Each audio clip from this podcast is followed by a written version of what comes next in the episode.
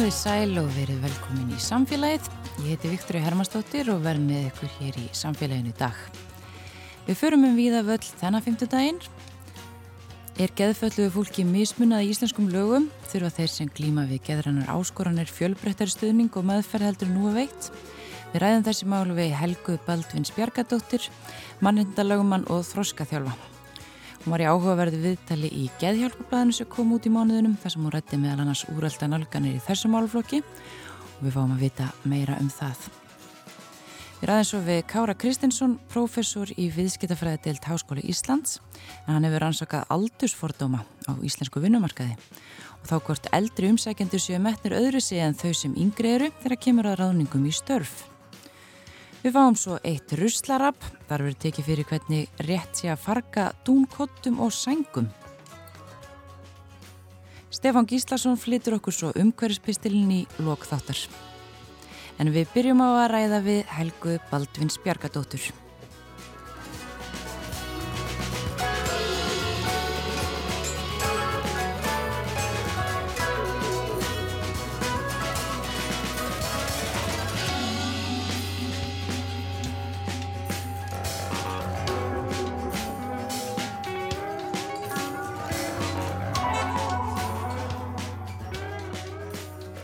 Velkomin Helga.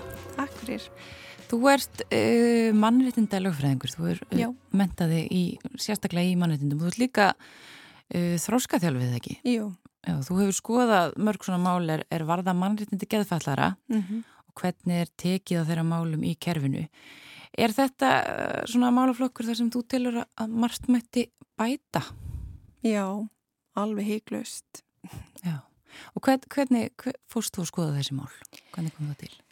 Hvernig kom það til? Um, ég hef bara rosalega mikið áhuga á mannréttindum og hef svona sérhætt mér svolítið í mannréttindum fallast fólks og uh, eftir að ég fór út í, uh, já, sérst ég skrifaði réttgerna mína, loka réttgerna í lögfræði um hvernig við þurftum að breyta lögræðislögunum til þess að uppfylla uh, 12. grein nýja samnið þjóðan af réttindi fallast fólks. Mm og svo þegar ég fer út í lögmennsku og þá hérna, fæ ég til mín fjölda svona mála sem að snúa að mannréttindi fólk sem er með greinda geðsugdóma. Já, og eða, kannski kemur aðeins inn á hvað að hverju snúa þá þessi mál? Hvað sem að þú ert að fá þitt borð? Um, þau snúa að, að því að uh, virða mannréttindi fólks þótt að sé með greinda geðsugdóma. Bæði það að uh, vera ekki á óþarfa sviftingum, sjálfur sviftingum um, og að þeirra, og svo leita tími fólk oft þegar að, að það sætir nöðungavistun og vil ekki vera þvingað til þess að vera á spítala. Þetta eru svona aðferði sem að hafa kannski, þetta hefur ekkert rosa mikið verið rætt um þessar aðferði. Þetta hefur bara, maður hefur heyrt af þessum, það hefur ekki verið mikið rætt um þetta á þennan hátt að, að, að, hérna, að fólk kannski að hafa einhverju rött þess að mótmala því þegar mm -hmm. það lendir í þessar aðstöðu. Mm -hmm. Og hvernig er staða fólk sem er hérna til dæmis nöðungavistað? Hefur það eitthvað um það að segja? Uh, nei, flestum tilvíkum ekki og það er kannski svolítið það sem ég er að benda á í greininni að, í þessu viðtali um, að um, það vantar svolítið upp á mannýtnindavendina við, við segjum að það á ekki verið hægt að nöðungavista uh, nema einhvern ekst tíma á þess að þetta fari fyrir dómara en ef að dómarar taka aldrei sjálfstæða afstöðu til uh, læknisvottorða og, og hlusta aldrei á það sem að mannskjan sjálf sem á að vera vistuð segir að þá er í rauninni mannréttindin ekki virt. Mm. En í svona málum þá ja, hugsa ábyggla flestir að, manneskjan sé þessu stöðu vegna sem hún hafi ekki, ekki sérstaklega mikla insýn inn í, í, í sína líðan og sína stöðu. Akkurat. Og þess vegna sé verið að grípa til þess að örþur af ráðsa að mm -hmm. nöðungavista inn á lokaðri stofnun. Mm -hmm. Við verðum kannski bara átt okkur á því að um, þetta læknisvæðilega sjónarhórn á uh, geðsugdóma og, og, og bara á föllun almennt. Uh, þetta er bara mjög umdeilt og hérna hefur verið mikið gaggrínt bæði innan og uh, fræðisænfélagsins og af nótendum þjónustunnar að þú getur ekki sko, smættað einstaklingin bara niður í einhver enkenni. Það er miklu starra uh, uh, hvað segja afl sem er samverkandi sem að þarf að horfa til eins og með áföll og stjætt og stöðu og, og annað. Um, þannig að mínum að þetta er það ósangjant að dæma mannesku bara, stimplana bara með einhvern geðsúkdóm og horfa bara á einhvern takmörku enkenni um, án þess að vera í virkri samvinnu með þessum einstaklingi til þess að hjálpa honum að skilja sjálfa sig í, í samengi við hvað í hverju hann hefur lent, hvað bjargrað hann hefur grepið til og, og hvernig bara, já, hver, og hvernig honum líður í tengslum við það. Um, og, og mér finnst að svona martraðkjent að hugsa til þess að ég, ég geti eh, kannski mist tökinn á, á lífinu á einhverjum tímpunkti, verið undir og miklu álægi og annað, að, að það getur verið farið með mig inn á geðdeild og bara það að einhver geðlæknir hengja á mig einhvern uh, eh, geðsjúkdóma uh, stimpil, að þá einhvern veginn bæði er ég rænt uh, svona minni Uh, upplifun af því hver ég er og, og, og af hverju mér líður eins og mér líður. En það er líka einhvern veginn uh, búið taka með röttina að því allt sem ég segi getur verið notað gegn mér sem hluta því að ég, ég sé með hennar sjúkdóm þetta sé innsæðisleisi inn í minn sjúkdóm. Ja. og jú, það er alveg til dæmi þess að fólk sé svo sannlega hættulegt sjálfur svo öðru. Og það getur alveg verið réttlætanlegt að, að koma því í, í skjól en hvort að það sé endilega inn á kaldri geðdeild um, það sem er nánast bara lokaðurinn í herbyggi með lámarks svona umönnun og aðlýningu e, eða einhver önnur úrræði. Mm. Það er, þú veist, við höfum ekkert rosalega mikið af öðrum úrræðum. Nei. Við erum til dæmis, við erum ekki með neinn krísuhús, við erum ekki með e, neina livjalösa geðdeildir. Þannig að það sem að fólk lendir yfirlt í er að það er bæði eh, sviftfrælsi sínu, það lokaði inn á, á geðdelt og svo yðurlega er það þvingað með beinu með óbeinum hætti til þess að taka einhver lif. Krísuhús, hvað er það? Um, það er svona, það, í mörgum löndum í kringum okkur eru til svona safe houses eða bara svona eins og hvernaatkvarfið er í rauninni fyrir fólk sem að, er að, að missa tök á, á tilvörunni mm. en, en þá er það ofta rekið af öðrum nótendum sem hafa reynslu af því að lenda í svona aðstæðum og geta þá mætt viðkomandi af skilningu hlýju mm. en er þess að ætla að vera með eitthvað svona sérfræðinga veldi og ætla að útskýra fyrir fólki hvernig ég líður og af hverju það er svona eða hengja á það einhvern stimpil heldur bara að mæta því og vera til staðar og hjálpa þeim að ná tökun og tilverun aftur Heldur þú að, að, að þetta að við séum í raun og veru eftir, eftir öðrum þjóðum þegar kemur að, að þessum málum hér á landi? Já, ég held það mörguleiti. Svo í, í Noregi eru livjalösa geðdeldir og hérna og við skiljum ekki alveg svona við sem erum í þessari baráttu af hverju það er ekki hægt að koma svoleiðis á, á fót hérna heima. Mm nefnum bara, þú veist, ef við horfum á þetta út frá þessari kervisleiri mismunum, þetta telst oft svo mikið annarsflokks fólk, við tímum ekkert að setja svo mikið pening í, í þjónustuna, skilju, þannig að ef þetta væri, ef við værum að tala um uh, fólk í forröndastöðu, þú veist, alltaf þess að uh, forröndakalla sem fá hjart áföll eða annað, skilju, þá væru við með miklu betri þjónustu og miklu fjölbreyttari þjónustu. Já, þannig að það hefur kannski verið svona hópur sem hefur ekkert haft ja, mjög, mjög háarödd í umröðinni? Nei, hann hefur verið bara mjög jáðarsettur og það eru rosalega miklu fordómar, við sjáum það bara mjög mikið í dægumenningunni Uh, oftar en ekki einhver ráðmórðingi eða uh, hérna nöðgari með einhverja greinda gæðsjúkdóma þannig við tengjum þetta rosloft saman. Mm -hmm. og þú veist að því ég kem líka inn í mál þar sem að uh, er fjölskyldu búa við ofbeldi. Mm -hmm og þar sem að kannski hérna, menn halda heilu húsunum í gíslingu með, með skapi og ofbeldi en við grýpum ekki inn í þær aðstæður af því þeir eru ekki með greinda geðsúkdóma.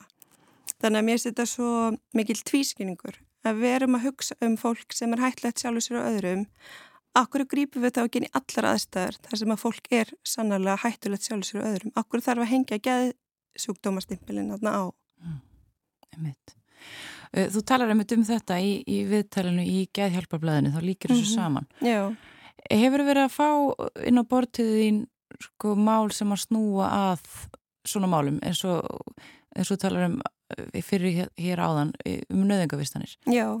Það er fólk að leita til þín vegna þess að vill að því sé nekt eða eitthvað? Já, og, og það vill losna Já. og hérna... Um, Ég, ég man bara eftir einu máli þar sem að aðkoma mín að málinu var til þess að það var dreytið tilbaka krafa um framlengingu nöðungavistunar. Það var manneskja með að gæða svo dóm sem að vildi e, fá að halda áfram í meðferði en að, að vera heima hjá sér. Já. Og e, það var til þess að, hérna, já, eins og segið, krafan var dreytið tilbaka en almennt í þessu málum þegar þau fara fyrir dómstóla að þá er bara það sem að læknirinn segir að það gildir veist, og það er ekki hort til uh, upplifin einstaklingsins og dómarar eru ekki að taka sjálfstæð afstöðu til hvort að þetta uh, hérna, brjóti gegn mannittindum eða meðalhófi eða eitthvað svo leiðis. Mm. Uh, það, var, það var einn dómur sem að fjall nýlega í landsétti þar sem að, að það var sagt að mannskinn væri ekki með gæðsú dómanu alvarlegu stíi til þess að réttlæti nöðungavistun þannig að það er strax framför en þá kom líka alveg heilsu viðtali í blæðinu uh, þar sem að gælagnir voru að tala um hvað þetta væri hættuleg þróun. Veist og hvað þetta væri marklust ef að, ef að þeirra orð dið ekki til sko. Mm. en ég segja á móti veist til hvers eru að fara með þetta allt fyrir domstóla ef að dómarar hafi ekki heimil til þess að endur skoða þessar ákvarnir þetta eru ofbáslega mikilvæg mannrittindi að vera frelsisveift svona. En skinnjar þú að sé eitthvað að breytast í þessum málum? Er, er, er eitthvað svona, er verið að horfa á geðheilbriðismál og annan hátt núna heldur en hefur verið gert? Já, sko með tilkomu alls konar humdafræðins og áfalla með þeirra nálgunar, þú veist, þá er einmitt þessi áhersla á að í staðan fyrir að spurja fólk hvað er að þér, að spurja hvað kom fyrir þig og, og skilja um, viðbröð og, og líðan, vannlíðan fólks í samingi við uh, áföll og annað sem að það eru upplifað á, á lífsliðinni. En hvort að þetta sé að skila sér inn í geheilbríðskerfi sjálft, uh, það finnst mér um, segja, að var hægfara breytingar en þó einhverja breytingar að, að sjálfsögðu í þá átt. Mm -hmm. Og er þetta mikilvæg nálgun að skoða þetta út frá þessu? Já, já, vegna þess að uh, sko Gæðlæknisfræðin er náttúrulega bara bundin þeim takmörkunum að þú veist, þú getur ekki eins og bara með læknisfræðina almennt, þú getur ekki sett fólki í röngen eða tekið blóðpröfi til þess að staðfesta uh, greiningu sem að læknir metur út frá enginum. Uh, Enginin eru bara tekin sem uh, sjúkdómsgreiningin og hún svo staðfest með enginunum, þannig að þetta verður svona ringrög. Um, Þannig að hérna, það hefur verið vaksandi gaggríni bæði á þessar ofurháðslu á uh, að finna sko lífræðilegar orsakir, þetta sé einhverju heilasjúkdómur eða hvað þetta er og á livjagjöf. Vegna að það sem að lagt var upp með í upphafi að, þá áttu þessi, öll þessi geðlif þau áttu að því líta að lækna allt og laga alla en það hafa þessu sannlega ekki gert og það eru gríðarlegar aukaverkanir ofta af þessum livjum og hérna og það verður að horfa á, á þetta bara í miklu starra samingi og eins og bara í samingi við eins og samtalsmeðferð. Þú veist það er ekkit mjög margir einstaklingar sem eru vistara á geðdelt sem að hafa aðgangað einhverju samtalsmeðferð. Mm. veist, þetta er bara það er bara sálfræðið þjónust hún er bara einhver starf úti og ekki niður greita sjúkratringum Þannig að kannski það þurft að skoða þessi kerfi kannski saminuða eitthvað nátt meira eða hvað Já og bara og bjóði upp á meiri fjölbreytni mm. veist, og passa að, að, hérna, að mannréttindi séu í heiðri höfð. Veist, við vitum það bara í, úr sögunni að það kann aldrei góðri lykkastýra að vera með svona aðgreint úrræði og sérstaklega þess að þú lætur bara ófærlegt fólk sinna veist, fólki sem er í hvað vestu vanlíðaninni. Mm. Veist, það þarf eh, miklu fleiri sérhæð úrræði, miklu fjölbrettari úrræði þar sem að, að förum svolítið frá þessari forræðisíkju og yfir í meiri samvinnu og samstarf þar sem að einstaklingur og fagæli eru saman að finna út af hverju mannskunni líður eins og hún líður, og hvað hún vil prófa sig áfram með en ekki alltaf bara svona top down hérna, sérfræðingur segir þú þarf þessi lif ég veit best að ég er sérfræðingurinn. Þannig telur þú að, að þetta muni breytast eitthvað núna á, á næstu árum? Sko það er, já, ég, ég er mjög bjart sín svona eðlisfari og ég trúi á breytingar og ég trúi að það er verið að gerast svona frá græsrótinu upp og það er svo sannlega að græsrótinu er mjög virk í að hérna í þessum endur skilgrinningum á geðsugdómum á að benda á galla núverandi fyrirkomulags á til dæmis afleðingar vegna að sko ef þú hefur þessa miklu áfallasögu sem að langt flestir hafa mm. sem eru með miklar geðrannar áskoranir að þá getur þú náttúrulega verið að endur uh, hvað sem er, eða svona rítrámatisera fólk með því að beita svona harkalegum aðferðum, yeah. með því að beita þessum þvingunum, að halda fólki neyðri að livja það gegn vilja sínum um, Veist, og þetta er allt sjónamið sem er í vaksandi mæli verið að taka mið af í geðhelbriðstjónustu og þyrrt að vera miklu meira við mm. framkvæmda allra, allra geðhelbriðstjónustu. Stundum hefur maður heyrt sögur af fólki sem hefur lendi í þessum aðstæðum og, og það upplifur það jafnvel sem sko, meiri, meira áfall já, að vera settur í þessu aðstæðu heldur en það veikindir sem það glimti við. Ég, já, ég hef heyrt svo les að fólk sem eh, er kannski með rattir eða annað að, að það kjósi það fram yfir uh, þessa meðferð og þá þurfum við alvarlega að fara að skoða til hvers eru við að beita þessum aðferðum og af hverju, hverju megu við beita þessum aðferðum þessum hópi þegar við gerum það ekki eins og segi gáðast öðrum hópum sem eru sannlega hættuleg sjálfur sér öðrum mm -hmm. Nú, nú hafa, hefur fólki þessar stöðu verið að leita til þín mm -hmm.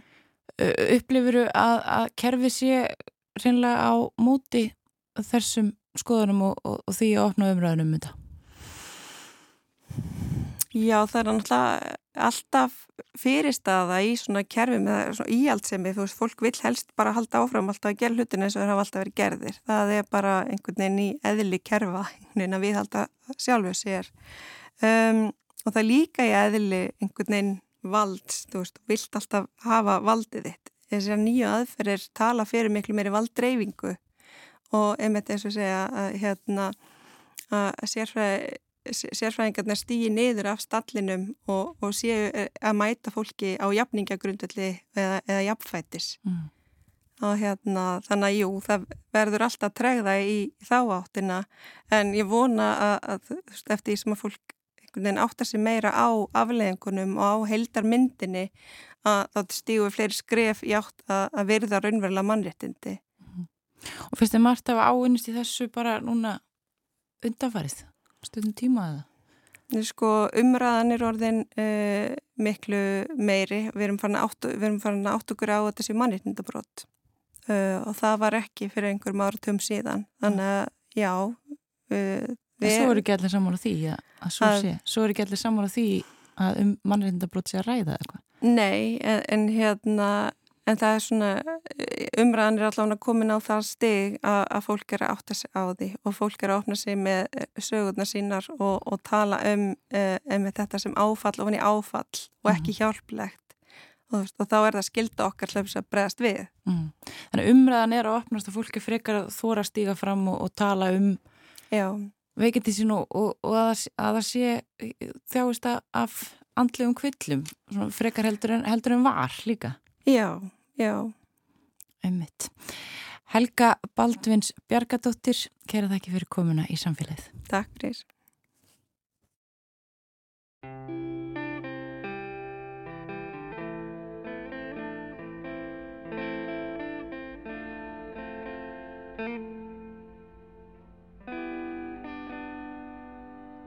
This magic moment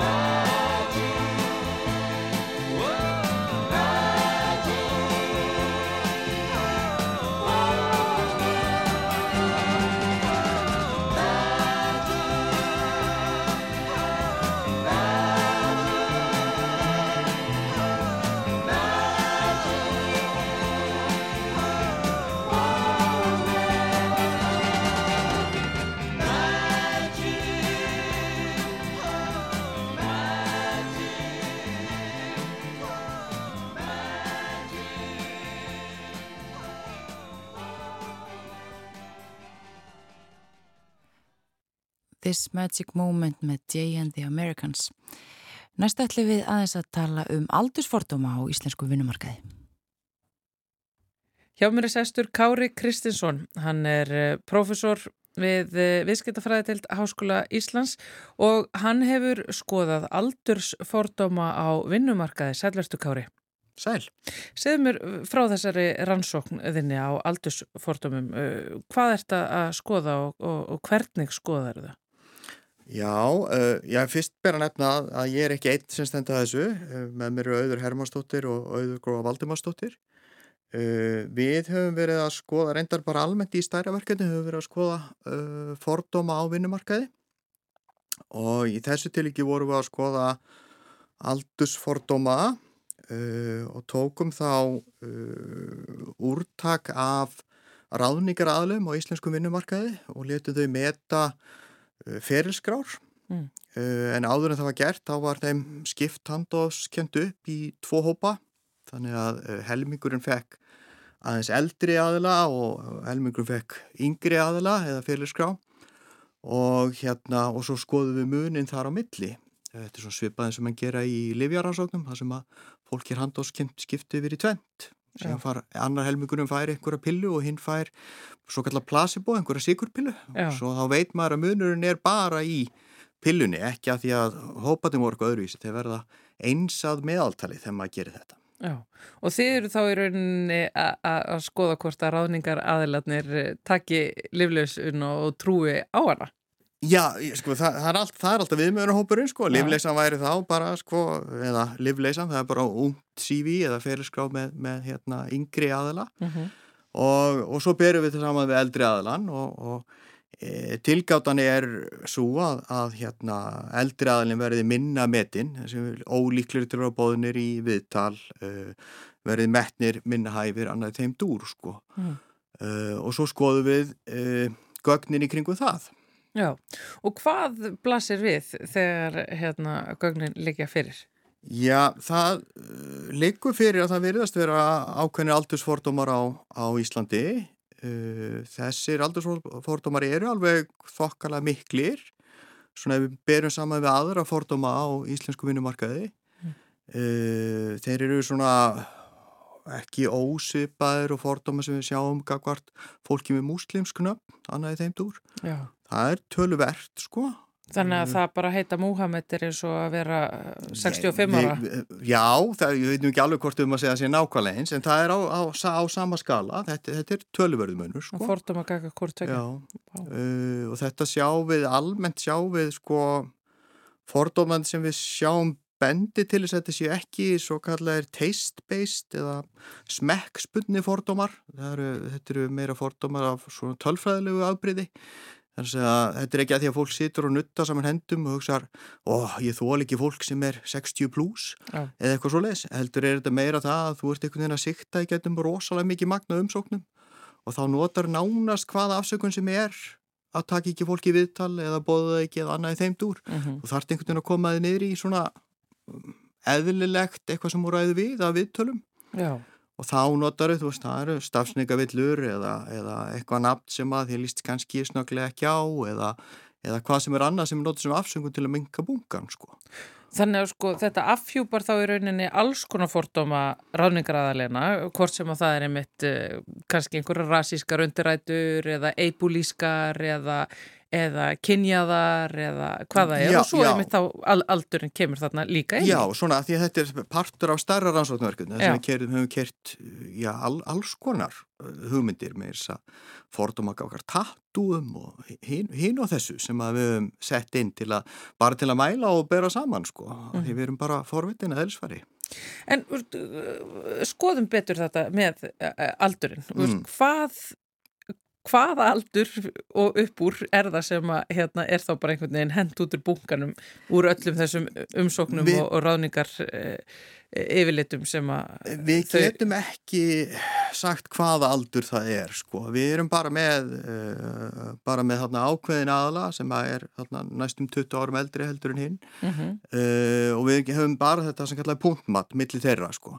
þannig ég get ekki sagt til um það sko hvenar fólk byrjar að detta út eða hvað sem það er eins og af spjalli við ráningar aðala að þá finnst mér líklegt svona bara, uh, ég veit ekki hvað að kalla það, anekdotal evidence, það er að segja að það eru bara svona dæmisur af því sem er að tala við, að svona upp úr 50-55 þá ætti fólk að, að byrja að finna fyrir þessu ef að, ef að, ef að þetta er til staðar sko. Já, að það sé bara meir líkur Já. að þín umsók sé tekin út bara einfallega Já. vegna þessa að þú er komin að þennan aldur. Uh, sko, ég ætla nú ekki að segja að þetta kannski komi neitt rosalega óvart, maður hefur heyrt fólk uh, sem er á besta aldri tala um þetta, að það sé finni fyrir þessu á vinnumarkaði að, að þau fái bara ekki störf að það sé bara e, útilokað að finna nýtt starf eða skipta um starf eftir ákveðin aldur. Já, maður heyrti mitt mjög mikið af þessu og það er kannski einu ástæðan fyrir fórum úti að mæla þetta, bæði aldursfordum og ímislegt annað, af því að uh, maður heyrir oft sögur um ímislegt svona, en það er náttúrulega erfitt fyrir fólk að meta það sko, ef, að, ef þú einhver hlutu vegna, hérna, ég veit ekki, neytar að taka mig viðtal, eða ég veit ekki hvað sem er annað, þá veit ég ekkert hvað það er, ég get ekkert lesið hugðin sko, þannig að er það því að ég er of lágvaksinn eða er það því að, hérna, ég er bara ekkert mjög skemmtilegu maður eða, eða hvað sem er annað sko þannig að það er þess að við vildum mæla þetta sko e, þannig að, já Sko, þú segir einmitt að þetta er að, mælast töluvert mikið, aldursfordumar á íslenskum vinnumarkaði eru töluvert miklir. Bara, bara er, er, þetta, er við með meir aldursfordum á íslenskum vinnumarkaði heldur en til dæmis bara við lönd sem við byrjum okkur saman við? Það sem Uh, þetta hefur verið skoðað? Ég þekki það ekki nógu vel, það verður ekki verið gert með sama sniði. Uh, vandamáli er svolítið að, að sko, við keirum á ráningar aðila og það Já. er afar sjaldan sem þú færð gott úrtak á ráningar aðilum. Sem betur fengum við það hér, erlendis eru ráningar aðila ekkert mjög ólmir í það að taka þátt í svona. Sko.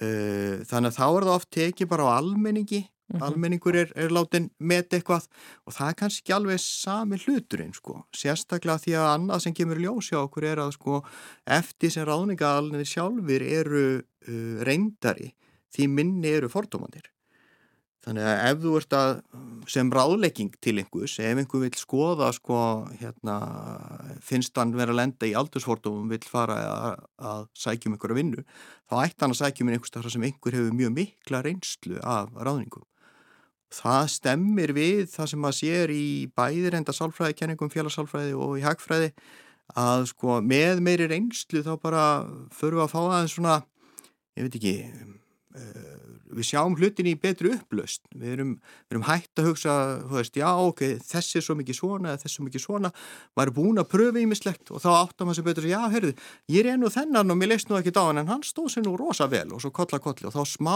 saman jafnast þessi fordómar út sko. Já, en hvað, á þá ungt fólk ekki að vera að ráða aðra inn? Þegar þau eru bara með fordóma Nei, nei, nei, nei, ég get, náttúrulega ekki, ég get ekki sagt það, það þarf ekki að vera en það er mjög líklegt bara, bara mannlegt eðli eftir sem að öðlast meiri reynsla á einhverju sviði, það verður bara betri því partur af því að vera betri einhverju er að vera með minni fordóma. Mm, Fordómar er bjögun í hugsun uh, og fyrir vikið þá, þá hérna, kemur svo niðurst ekkit endilega mjög mikið óvart. Þetta er stemmið við eins og kenningar bæði í sálfræðu og hagfræði.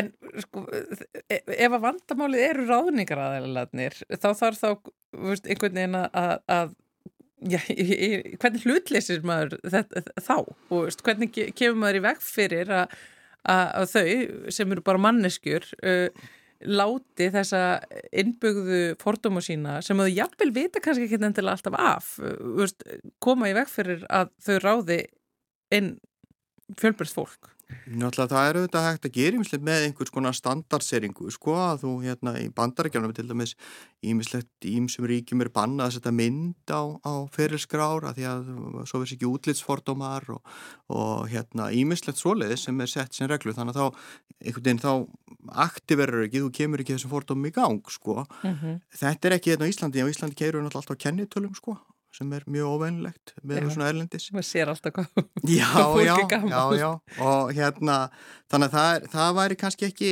eh, ég gerir ráð fyrir því að, að, að við erum náttúrulega öll með ákvæmna fordóma, ákvæmna bjögun, það bara sparar kaloríur, sparar heila orku að, að, að hérna, vera með einfalda mynd af heiminum. Já, og fyrir vikið ef maður bara fær meiri reynslu þá, þá vonandi hérna minka þessi fordómar, maður sér heiminn í betri upplaust. Sko ef ég væri hérna, eldri manneskja á, á, á vinnumarkaði að mm. leita mm. eftir vinnu, þá myndi ég bara vilja gera þá kröfu að allir aðningaræðilar, hvar sem, sem þeir séu, séu bara fari gegnum bara einhvers konar námskið, einhvers konar endurmentun, einhvers konar Já. bara e, fræðslu Þa, þar sem það, þetta er gripi. Það að, hljóma rosalega vel. Svona, en já, virkar kannski ekki. En sko rannsóknir sína það að þegar við höfum verið að reyna eða bandrækja menna aðla mm. Uh, ég veit ekki til þess að þetta hefur gert hérna heima sem menna verið að vinna til og með svona ómeðvitum fordómum að þá aukast fordóminni frekar heldur en, heldur en vinga Nú, já, þannig að við hefum ekki fundin einar lausnir sem virka mjög vel til að, til að vinna í þessu sko. En er þá ekki hægt að, ég veit ekki, þjálfið einhvern veginn upp eða? Ekki sem við vitum ennþá sko, en við vorum líka að hugsa um þetta frá hinni hliðinni sko, ef þú ert með Ef þú sér heiminn á einhvern ákveðum átta og, hérna, og ég kem inn, einhver utanangumandi aðal og segja ég ætla nú allir að þjálfa þið, þú er svo rosalega fortámafull. Ha, við ætlum að hérna, finna út úr þessu, þetta gengur ekki með þólaldur, þetta er gengur ekki með, þú er svo rosalega fortámafull, gagvar þessum og þessum. Bremsuna. Þú er strax komin á bremsuna, sko. Þetta er, þetta er bara erfitt í, í eðli sínu að, að finna út úr þessu. Já. Þannig að ef, ef það var eitthvað sem ég myndi mæla með, þá held ég, sem er nú bara held ég góð ráðlingi galment, að það er að þeir sem séu í ráðningum séu almennt með mikla reynslu. Það sé reyndast þetta reynslu mikla fólki í þetta. Já, sko ég minna af því að, að, að ástæðin fyrir því að, að það þarf að laga þetta, rétta þetta er, af, er vantarlega af því að fyrirtæki og stopnarnir verða af hæfu fólki ef að fordómatnir ráða för við ráðningar. Maður myndi ætla það, já, maður myndi ætla það nema það sé einhver systematísku munur, einhver kervislu munur á eldra fólki og yngra fólki sem, að, sem að þessi ránleika alveg er að sjá og ég og þú sjáum ekki. Mér finnst það nú ólíklegt. Nei, já, emitt. Er eitthvað, er, er eitthvað annað kannski sem getur verið heldur en bara aldurinn og hefur, er munur á milli kynja eða? Uh, við getum ekki séð í þessu gagnasetti mun milli, milli kynja. Það er nú sennilega bara því að, að sko úrtakstarðin er ekki nógu, nógu stór. Já. Uh, við höfum kert á, á önnur gagnast eitt sem ég uh, bara hef ekki haft tíma til að vinna alveg í en það bendi til þess að sé ákveðin kynjamunur. Uh, líklegast verist aðeins halla á kallmenn þar, eldri kallmenn en ég ætla nú ekki að fara að fabulegur um það fyrir en ég aðeins búin að kera gögnin betur en, en fyrst, við fyrstu atrinu þá lítu það svolítið svo út. Já, af því að sko í umræðunni í, mm. í, í samfélaginu að þá er einhvern veginn alltaf að tala um sko eldri kallmenn talningum með þeirra kvítir e, e, sem einhverja týpur á, á fullkonlega grætni grein meðan mm. að sko, veist, konur e, tækifærum þeirra bara fækkar og fækkar eftir já. að hafa náða ákveðnum aldri. En veist, þetta, er, þetta er eiginlega að fara akkurat öfugt út frá gögnunum sem að byrtast ykkur. Já, með þau gögnin sem ég sé þá nei, það er uh, það, ég sé það ekki svolítið sko. Uh svo náttúrulega getur vel verið að koma ný gögn og þá þurfum ég að skipta um skoðun, það er líka bara eðlilegt en, en eins og gögnin líti út núna, nei, alls ekki. Já, en sko bara af því að þú segir að þið eru bara að taka svona ákveði gagnamagn inn núna, það lítur samt að orga á ykkur að þið þurfum að, stækka þessa rannsókn, þið þurfum að fara meira í þetta, veist, já, já. þú sem hérna, áhuga maður um úrvinnslu gagna vilt vendilega fá miklu meira inn til þess að vinna eftir af því að jú, það, það er greinilega eitthvað í þessu sem maður þarf að skoða og tjekka betur á. Jújú, jú, algjörlega og, og það er alltaf, alltaf meiri gögn alltaf meiri gögn, þannig að við erum, við erum búin að vera að vinna í því núna senustu mánuði og erum ekkert að fara hætta sko. Mm. Já Nei, einmitt, það, það er ímislegt sem að er hægt að skoða, skoða þarna. Þið segið, ég sé sko að hérna, kannski, veist, þegar maður, það er alltaf erfitt einhvern veginn að orða þetta þegar maður hugsa um þetta hvað það er sem að fólk hefur fordóma gagvart þegar mm. kemur að, að eldra fólki. Um, er það þá að, að, að hérna, veist, hef, hvað séu, óttast fólk að, veist, að þau hafi ekki góða helsu eða eða séu yeah. bara forpókuð eða, eða bara skilji ekki húmórin eða yeah. séu alltaf skamma yngra fólkið á gólfinu fyrir að sletta ég, ég bara, ég náttúrulega veit ekki það er ekkert sem við getum séð á, á svona mælingum sko ég vil fá, fá að vita þetta sko, hvað er Já, þetta? Já, það var einu, þú getur náttúrulega rætt við hann Erlu Solvegu sem hefur verið að taka viðtöl við, við fólki svona já, já. Uh, það, það er það einhvern veginn maður er að ræða það við ráðningaralana sjálfa eh, tventi því ég er ekki vissum að ég er ekki vissum að þeir vitið almenna sjálfur sko. Uh, hvort maður átti sig á því hvers konar fordómum er með, það veit ég ekki alveg. En svo líka um, bara gæti verið ef ég ætti að fabulera svona bara Já, af, því hef, af, af því sem ég tala við að ráningaræðlum, ekki formlega viðtöl og, nú tala ég þá ekki sem, sem vísindamæður mm -hmm. e, þá kæmur ekki óvart að það verði einfallega það að, að, að ráningaræðla sjáu að yngra fólki þá er meira svona góðgetter stemning sko, það er með aðra forgangsöðun, það er kannski ekki komið með fullt af bönnum, það er hérna, það vil alltaf keira á, á hérna á, á ferilinn núna, setja það í forgang setja allt í vinnuna. Já, og svo ég bara tali fyrir sjálf mig, sko, ég er mikið held að þeim er aðeins eldri, þá fyrir maður aðeins að endur forgangsaða hlutunum. En tek skýrt fram, hér er ég að fabulera þetta er ekki það sem við sjáum endil í gögnunum. Þetta kemur kemur ekki fram í þeim gögnum sem ég er með sko. Já, en svo á mótu kemurum þetta er eldra fólk oftar en ekki komið uppkomið börn uh, og er náttúrulega bara búin að þjálfa sér svo vel upp að það klárar verkefni mm. ég vil bara rætt og vel og reynslan einhvern veginn komin inn í og, og heilsan voruð mikið, mikið, Já, mikið betri eftir, fram eftir aldri sko. Já heldur en þegar maður er sko eða öllu nóttum vakandi yfir einhverjum hérna, börnum organdi börnum Já, ég, ég veit það ekki, ég, veit, ég get að límita mér svona hvað manneski myndi frekar vilja taka morgunfund með sko. ég, ég er alveg sammálaðið sko. Þetta er algjörlega hérna, stórmerkileg eh, rannsók sem þið eru að vinna af og ein, einfallega blasir við að, að það þarf að, að skoða þetta miklu betur og ég get alveg ímynda mér að það séu hlustendur þarna úti sem að vilja fá að vita meira og kafa betur ofan í þetta hvaða er sem að verður til þessa að, að fólk upplifir þessa aldursfordóma á vinnumarkaði aftur af því að veist, við erum orðin þjóð sem er alltaf að verða eldri og eldri mm. og, og, og allir vilja veist, vera aktífir í, í, í vinnu og jáfnveil miklu lengur heldur en að, að hérna, vinnulögjöfum segi til um sko. það er nefnilega, veist, það, við erum að fara bara inn í nýja tíma þannig að rannsóknir sem þessar undirbyggja svolítið bara ákvörðunartökurna sem að er að koma í, í framtíðinni. Alveg, bara hvernig fólk ætlar að lifa og starfa í sínu þriði æfiskeiði. Mm -hmm. Stórmerkilegt, eh, gaman að heyra af þessu Kári Kristinsson, profesor við Viðskiptafræðitild, Háskóla Íslands, eh, við fáum það aftur í, í spjall eh, ef að tölutnur og gögnin segja þér meira af þessu. Endilega, takk.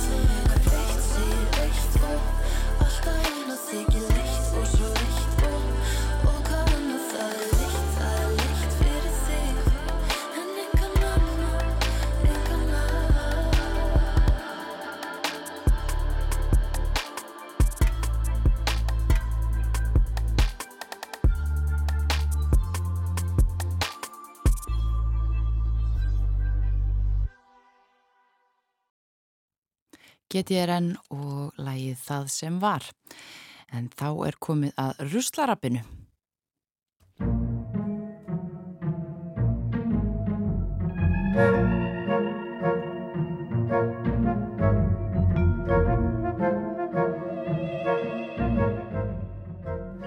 Ruslarappið farið að stað hérna hjá okkur í samfélaginu. Eiríkur Ör Þorstesson, sérfræðingur í fræðslu og miðlun hjá Sorpu er sestur hjá okkur.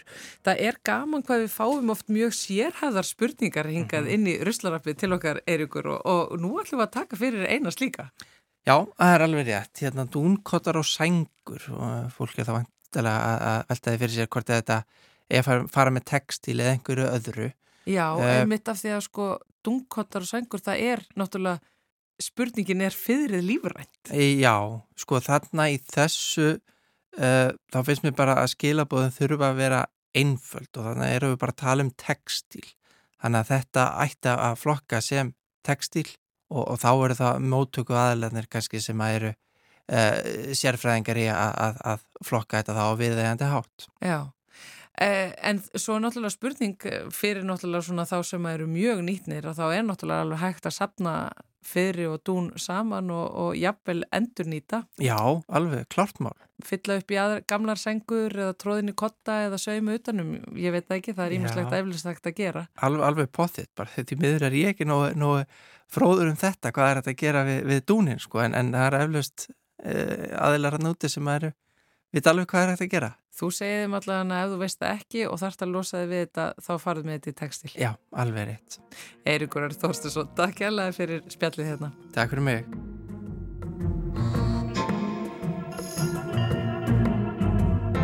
Þú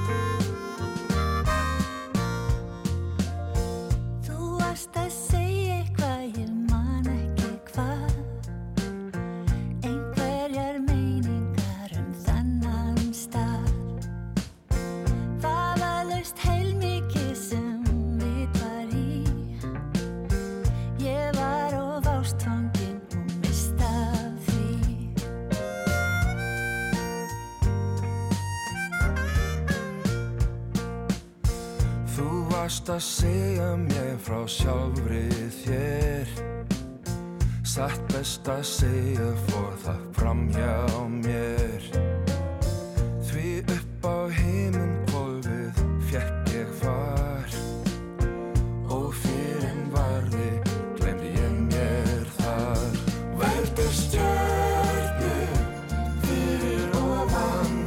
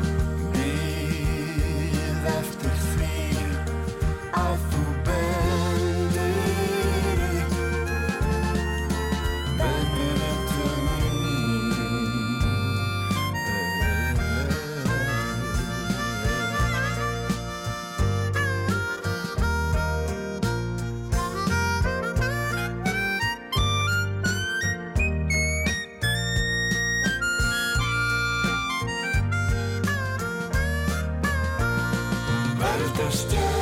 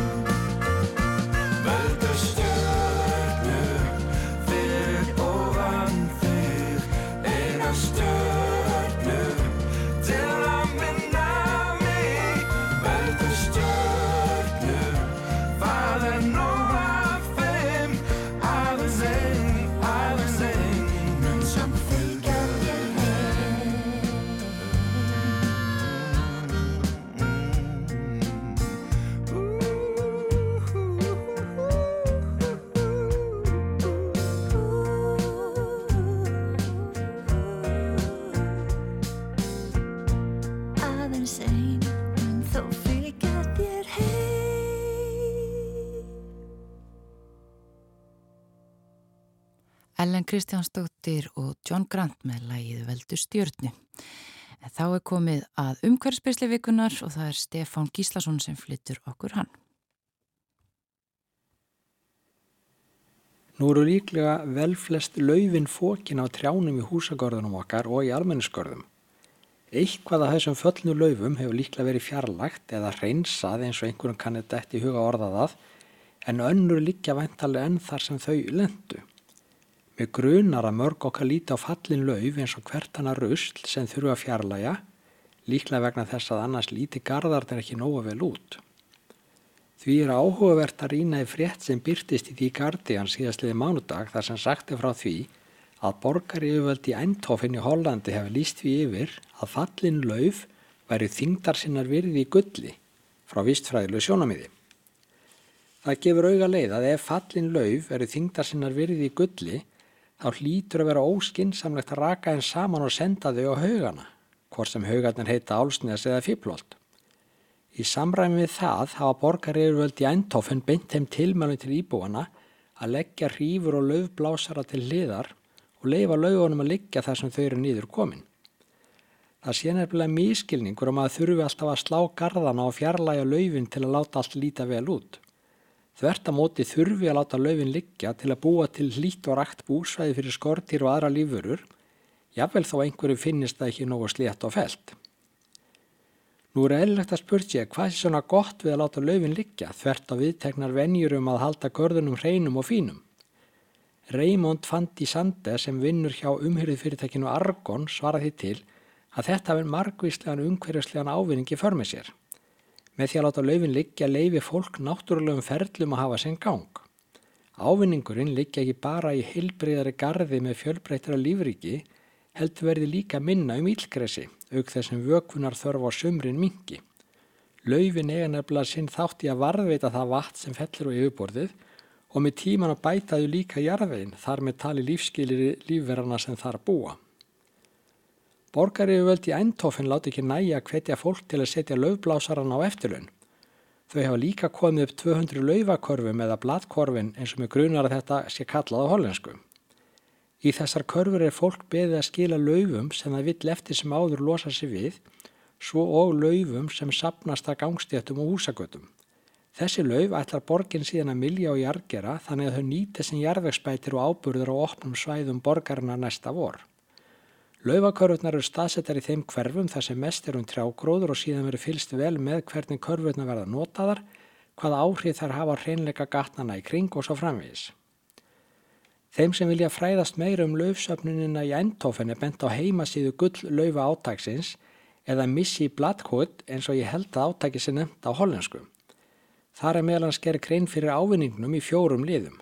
Fyrsta, Fallin lauf skíla plöntum fyrir vetrarkulda og búa til skjól fyrir skortir og fleiri dýr. Annað, ormar, jarvegskortir og miljardar örvera brjóta laufin niður. Þannig verða næringrefnu og laufunum aðgengilegi jarðveginum og flýta fyrir vexti plantna á vori komanda, auk þess sem þau nýtast smádýrum. Þriðja, heilbröðu jarðvegur þar sem lauf brotna niður með náttúrulegum hætti heldur betur í vatni sem á hann fellur. Um leið minga líkur á að plöntur ofþorðni. Fjórða, Hauslöfin hverfa sjálfu sér ef þau eru látin liggja. Þau koma lífríkjana að gagni og maður þarf ekkert að gera sjálfur. Nú kann einhverjum að detti í huga það sem virkar í hollenskum gorðum virki ekki á okkar ísakalda landi. En það eru auðvitað miskilningur. Íslensk náttúra virkar í öllum aðalætturum alveg eins og hverjunu náttúra. Hér falla löfum bara fyrra á haustinni gengur og gerist í Hollandi og garðarinn taka setna við sér á vorin. Laufin í eintófin minna okkur á það sem okkur hætti stundu til að gleima, nefnilega að náttúran er flóki kerfi sem við skiljum ekki nema takmörkuðu leiti.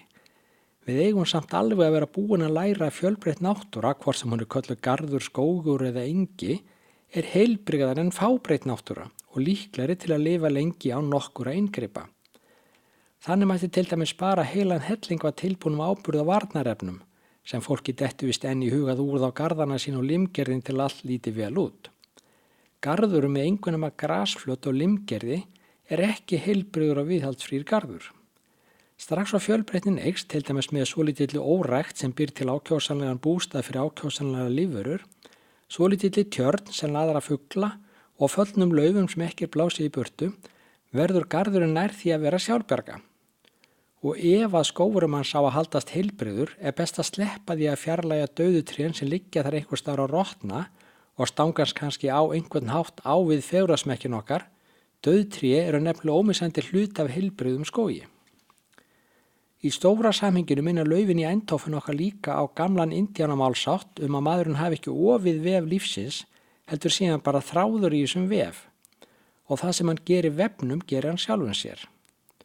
Öll yngripp mannsins eru sem sagt líkleg til að koma niður á honum sjálfum með einum öðrum hætti. Þegar maður ákveður til dæmis að fjarlæga einhverja tiltegna lífur úr nánastu umhverju sínu vegna að skoðan er pyrrandi, hvort sem lífverðinu köngul og bladlús geitungur eða arfi sérstaklega ef maður ákveður að nota einhvert efnasull til verksins, þá kemur það sennilega í bakið á manni fyrra eða síðar. Svona í lokin getum við hugsað okkur barn í fallir í lopapeisu. Barninu verður þá að rekast utan í girðingu með þeim afleiðungum að það dregst til í peisunu og stóru likja myndast. Og í staðin fyrir að viður kenna þennan klaufaskap fyrir mömmunni eða ömmunni, já það er kannski pappanum eða afanum, sem prjónaði peisuna, grípur barni til þess ráðs að klippa líkjuna snirtilega af. Fyrst og eftir lítur peysan vel út, alveg þanga til hún byrjar að rakna upp. Barni skilur sjálfsagt ekki hvernig peysan hangir saman, rétt eins og við sjálf freistum stundum til að halda að við höfum sjálf ofið vef lífsins og að við getum sjálf valið hvaða líkjur við klippum úr honum.